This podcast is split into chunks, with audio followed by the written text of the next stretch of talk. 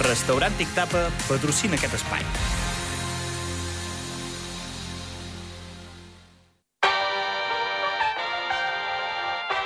Zona Esports amb Joan López.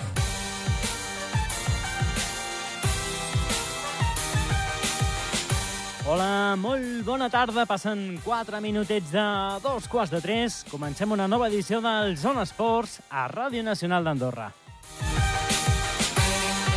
I amb quina il·lusió la comencem avui. Ens fa realment moltíssima, eh? El resultat que ha aconseguit avui la Cande Moreno en un descens de la Copa del Món a Sant Moritz, a Suïssa, on ha estat 21ena, s'ha classificat per primera vegada en el top 30 del circuit mundial.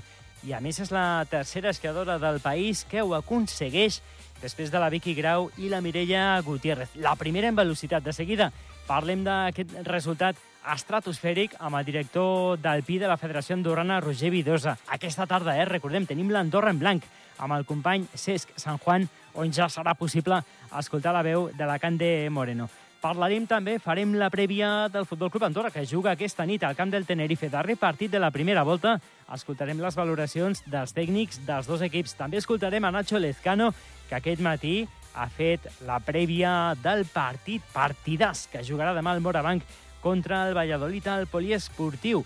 I també parlarem amb el tècnic del BPC Andorra masculí i femení, Dani Raya, perquè l'equip andorrà torna a la competició aquest cap de setmana. Després d'una setmana de descans, els dos equips jugaran els seus compromisos a la divisió d'honor catalana. I connectarem amb la Corunya per parlar amb la Sandra Hervé, una de les dues representants del karate andorrà a la final de la Lliga Espanyola que s'ha de disputar, que es disputa des d'aquesta tarda a la localitat gallega, però que és dubte per una lesió que ha afectat el nervi ciàtic. Aviam què ens diu la Sandra si finalment podrà participar o no en aquesta final de la Lliga Espanyola. Tot això a banda de la repassada de l'agenda del cap de setmana en aquests zones esports que arrenquem amb Oriol Piera, a les vies de so i que us parla Joan López. Deixem el sumari i comencem.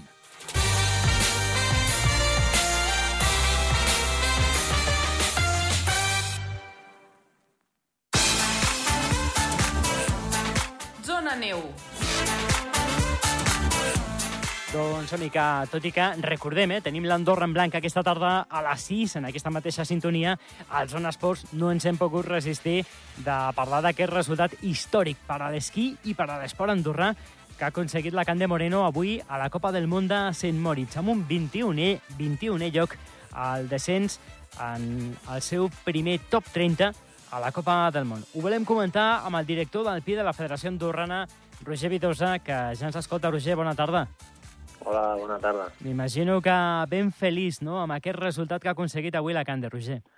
Sí, la veritat és que és d'aquests dies que, que, bueno, que no n'hi ha molts a l'any i la veritat és que estem tots molt contents. Eh, a més, és com has dit abans, no? és eh, només la tercera noia que ho fa i la primera vegada que es fa amb descens.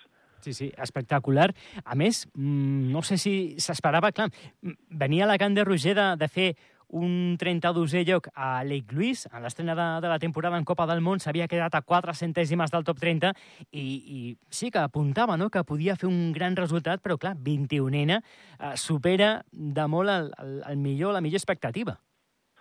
Sí, aviam, aquest any la Cande doncs, eh, ha apartat una mica els problemes d'anys anteriors amb l'esquena i ha tingut una preparació, la veritat és que molt bona. Ha fet una preparació a Xile, després també ha estat en estatges aquí als Alps i després a Canadà. I a Canadà, doncs, com dius, no? ja es va veure eh, un molt bon rendiment de part de la Cande, perquè durant el descens, dels dos descensos, amb un es va sortir, però tenia bons parcials, i el segon doncs, va arribar, com tu dius, a, molt a prop de les 30, però és que va perdre tot el temps a l'últim parcial. No? Eh, es veu que, que ja entra vent de, de cara i, i va tenir bastanta mala sort perquè fins l'últim parcial anava, si no recordo malament, la 23. Així que portava ja uns dies demostrant un, un molt bon rendiment. Uh -huh. I, I, a més, una altra dada que, que avui hem de destacar, eh? sortia amb el dorsal 45. Uh, sabem que, tot i que la pista estigui en perfectes condicions, no és el mateix, sortia amb un dorsal tan alt, i el que sí que hem pogut veure, Roger, mm, els primers parcials, ha volat literalment, eh? estava en el top 15 en el primer i en el segon intermedi.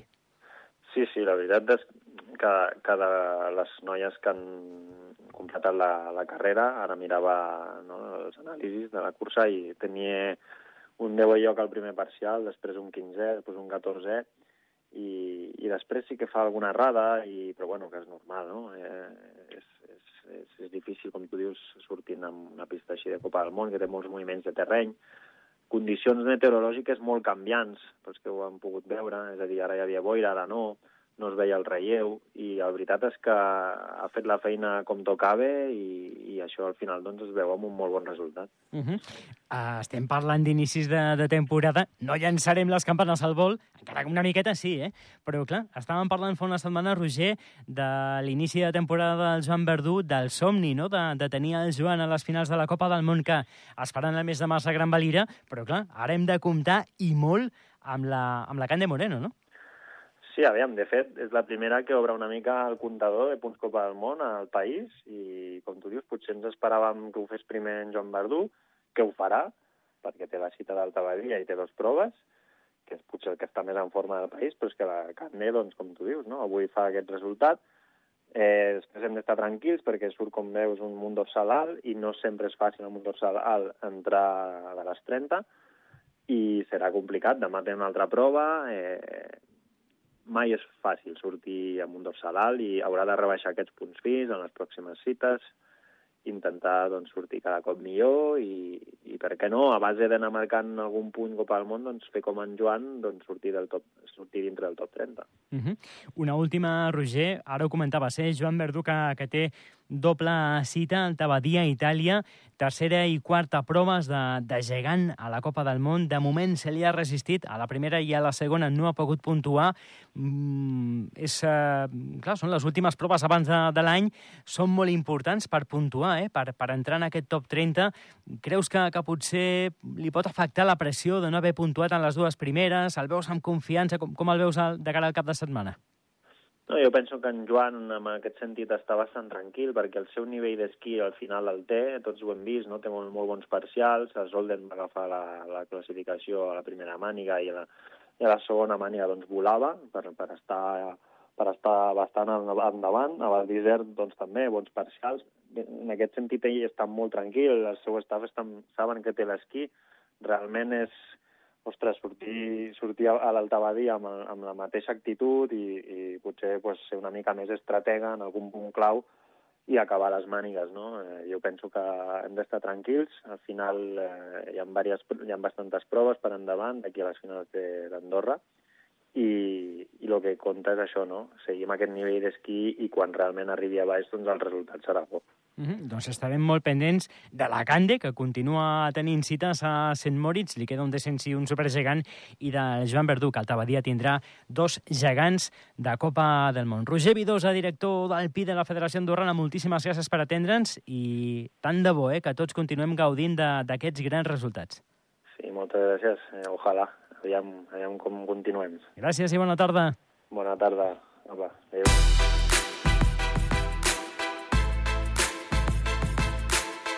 Zona prèvia.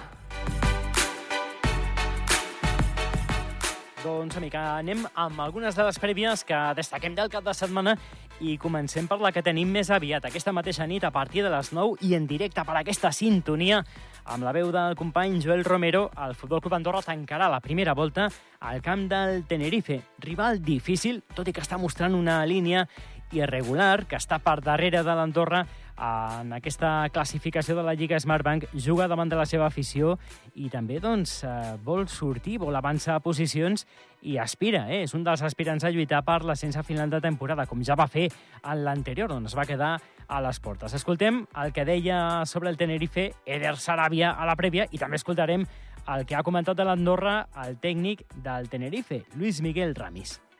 Creo que en momentos determinados puede ser un equipo que, repliegue más de lo que lo hizo el Leganés y, luego, bueno, también creo que, eh, que sobre todo tiene la capacidad de, con el delantero que tiene eh, referencia, pues a veces jugar mucho más directo, ¿no? Que también será algo lo que tengamos que, controlar. Es un, modelo de juego eh, muy marcado y ante eso pues hay que ofrecer una respuesta contundente, ¿no? Es un partido importante, muchas cosas, en el ajuste de las presiones, en dónde decides defender, en cómo, cómo, les, cómo atacas a, a su estructura defensiva. Bueno, partido con muchos matices, muy marcados, muy claros, los hemos trabajado, lo tenemos claro.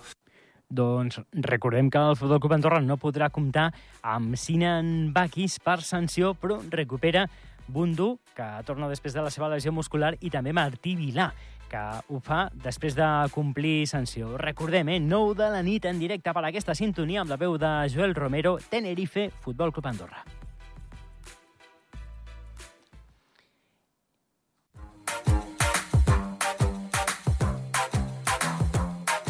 I seguim amb més prèvies, perquè el Morabanc Andorra juga demà a dos quarts de set de la tarda i en directe per Andorra Televisió contra el Valladolid. Un partit que promet també tots els al·licients un rival directe i que a més està en molt bona línia al Valladolid, tot i que a principi de temporada potser no es comptava entre els favorits a lluitar per la primera o segona posició, però està demostrant també que és un rival a tenir molt en compte. Ho destacava aquest matí Nacho Lezcano. Bueno, es un partido muy importante, no, hay que esconderlo. Estamos jugando los equipos que van arriba en la clasificación. Eh, este es un equipo top, yo lo dije desde el día uno. Eh, Valladolid para mí es un claro aspirante a todo en esta liga. Eh, va un poco de tapado porque, bueno, quizás no, es un- el- no tiene el nombre ahora mismo en esta liga que tenemos nosotros, o que tiene Burgos, o que tiene estudiantes, eh, pero tanto ellos como Palencia, como Alicante, hay Coruña, hay unos cuantos equipos que son aspirantes a todo en esta liga, y una liga muy competida y, y se está viendo que están jugando a un gran nivel.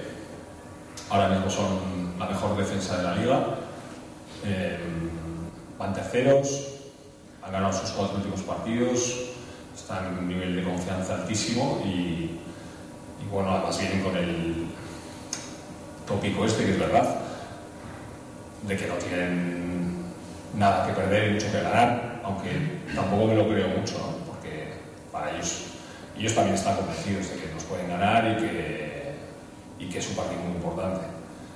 Así que, bueno, pues, eh, yo creo que es un partido muy atractivo, eh, un partido muy importante en el que necesitamos jugar muy bien, necesitamos que se note que jugamos en casa, necesitamos el apoyo de los nuestros, que nos den un, un extra y, y, bueno, eh, tiene todos los componentes para ser un partido muy chulo para, para jugar y para verlo. Doncs un partidàs que es podrà seguir en directe, com dèiem, eh, per Andorra Televisió demà a dos quarts de set de la tarda. Parlava també Nacho Lezcano del rival, un Valladolid que destaca sobretot per ser un equip molt físic. Es un equipo muy físico, tiene jugadores de, un nivel físico grande. Ya la temporada pasada tenían ese perfil de jugadores y bueno, yo creo que la llegada de Paco García, eh, yo creo que es un, entrenador que le gusta ese tipo de, jugador, eh, ya supuso un cambio en el equipo y esta temporada pues han hecho pocos cambios pero muy buenos y, un poco buscando ese perfil de, equipo físico, de equipo que está muy bien puesto en la pista, de equipo eh, muy trabajado y muy bien trabajado, teniendo claro qué es lo que tienen que hacer, cuáles son las posiciones que tienen que, tener. Y bueno, luego destacan individualidades, ¿no? La, la- la pareja de bases es de primerísimo nivel, no sé si es la mejor pareja de bases de la liga, pero porque hay equipos muy buenas bases, Eh, pero, es una pareja top, ¿no? Y, en especial parece que Pancha esta temporada ha explotado definitivamente y está a nivel superlativo en, en todos los aspectos del juego, en ataque, en defensa, en confianza, en, asistir, en robar, en, en penetrar, en tirar.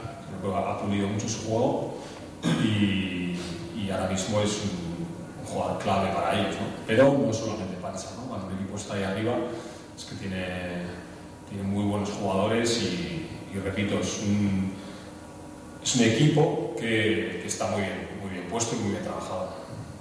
I una última intervenció que escoltarem de Nacho Lezcano, que destacava sobretot que, que l'equip ha de ser constant. Pot haver-hi fases de partit en què l'equip marxi de molts punts, s'ha donat aquesta temporada en cites anteriors, i que després doncs, el marcador es torni a ajustar. Però deia Nacho que la clau és la constància. Es que nosotros tenemos que ser constantes. Eh, más que pacientes, yo creo que tenemos que ser constantes. Y a mí me gustó mucho, por ejemplo, el partido de Melilla, en el que no nos, no nos despegamos el marcador, pero fuimos constantes durante todo el partido y el partido fue poco a poco cayendo de nuestro lado. Yo creo que es la forma en la que tenemos que, afrontar los partidos y que jugar. Eh, lógicamente tú no puedes renunciar a, marcharte en el marcador. Si eso sucede, pues, pues bienvenido, pero hay que seguir con esa constancia durante 40 minutos. No siempre nos pasa porque, el rival juega también y porque hay cambios durante el partido, nivel de arbitraje, nivel de contactos, eh, por los dos lados, bueno, pues que hacen que haya altibajos durante el partido. Me gustaría que a todos los entrenadores, que los equipos fueran más, más constantes, me gustaría que el nuestro también lo fuera. Eh, estamos aprendiendo de eso, creo, y, y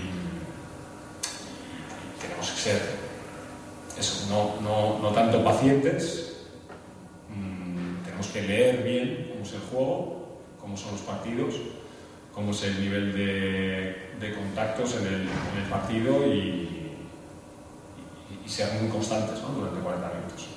Doncs recordem, eh, el partit entre el Morabanc Andorra i el Valladolid es juga demà. Al dos quarts de set de la tarda es podrà seguir en directe per Andorra Televisió i, a més, és la primera cita ja doncs, enmarcada en la campanya que organitza el nostre company Òscar Royo. Aquesta campanya que ja arriba als 30 anys de vida, cap nen sense joguina, per tant, es demana que tothom que vulgui participar-hi porti la seva joguina demà perquè el Poliesportiu d'Andorra serà un dels punts de recollida.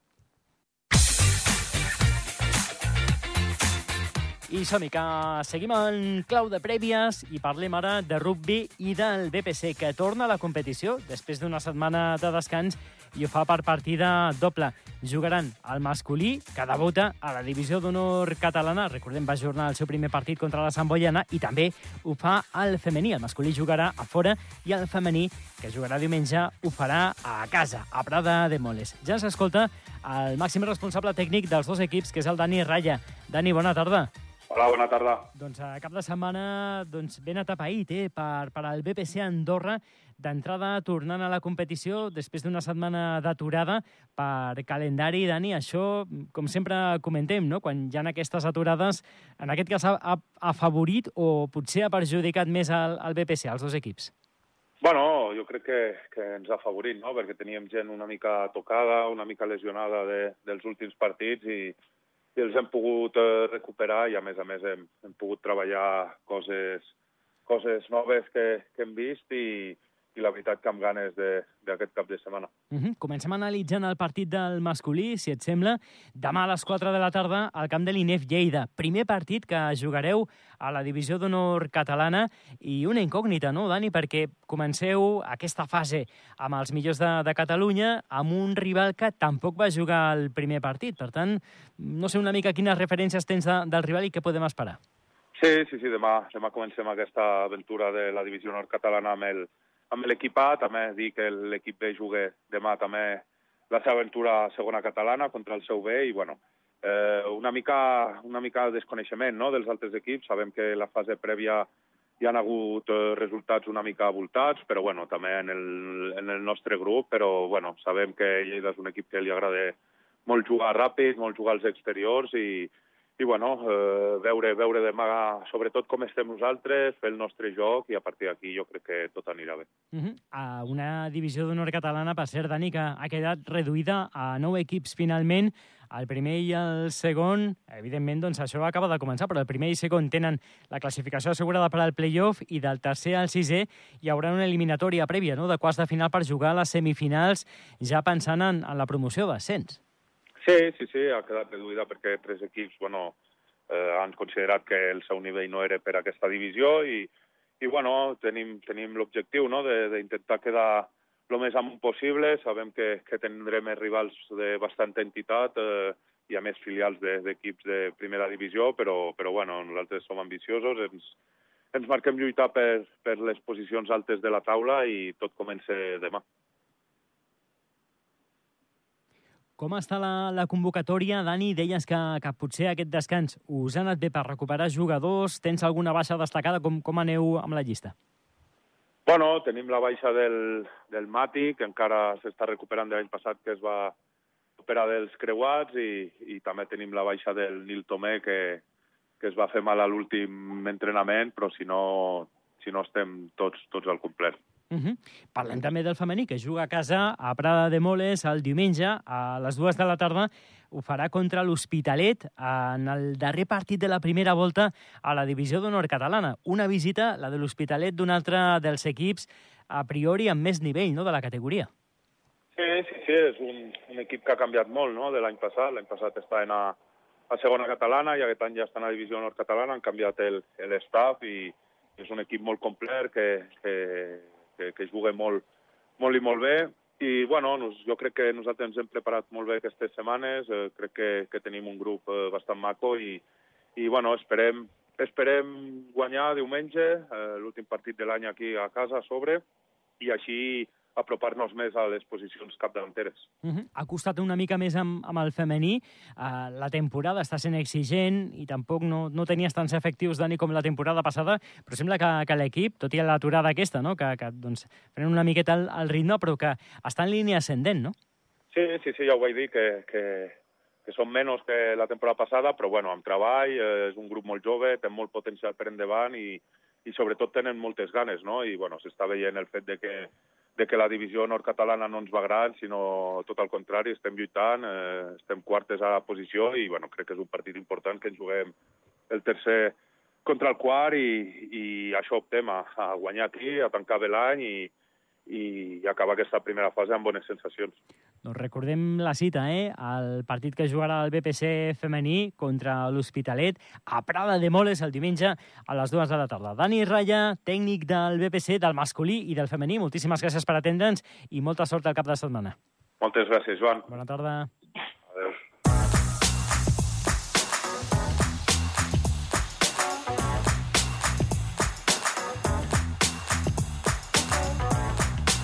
Zona Agenda.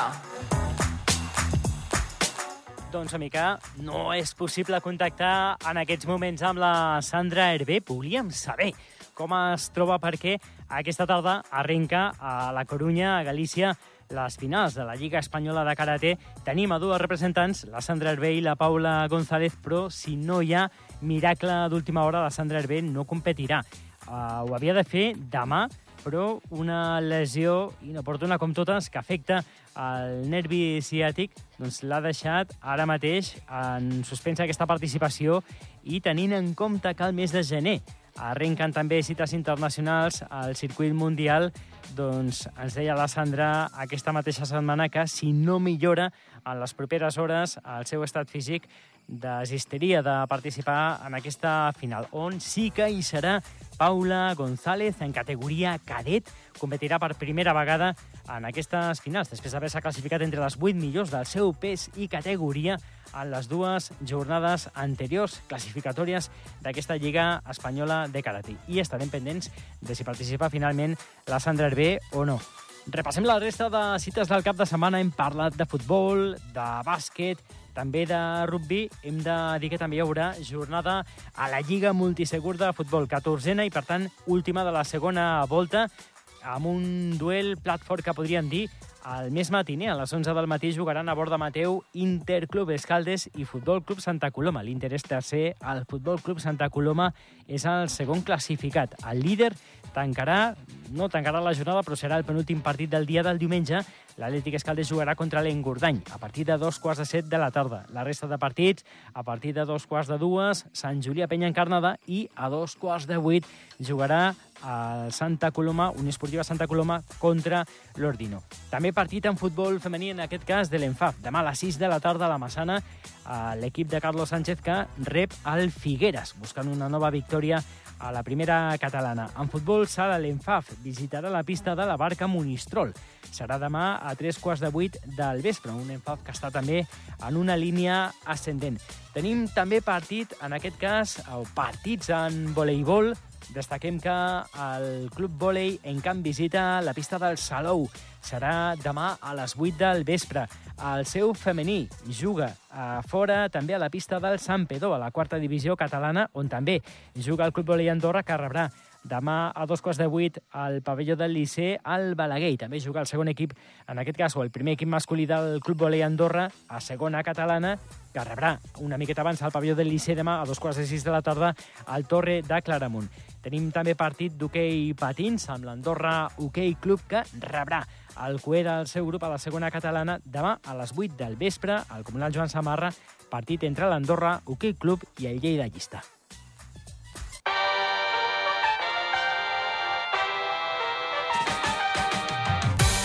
I com no, trofeu Andros, eh? Avui demà el circuit del pas de la casa. Nosaltres que ho deixem aquí, us han acompanyat un dia més Oriol Piera, a les vies de Soi, que us ha parlat Joan López. Tornem al dilluns, gràcies per la vostra companyia i molt bon cap de setmana.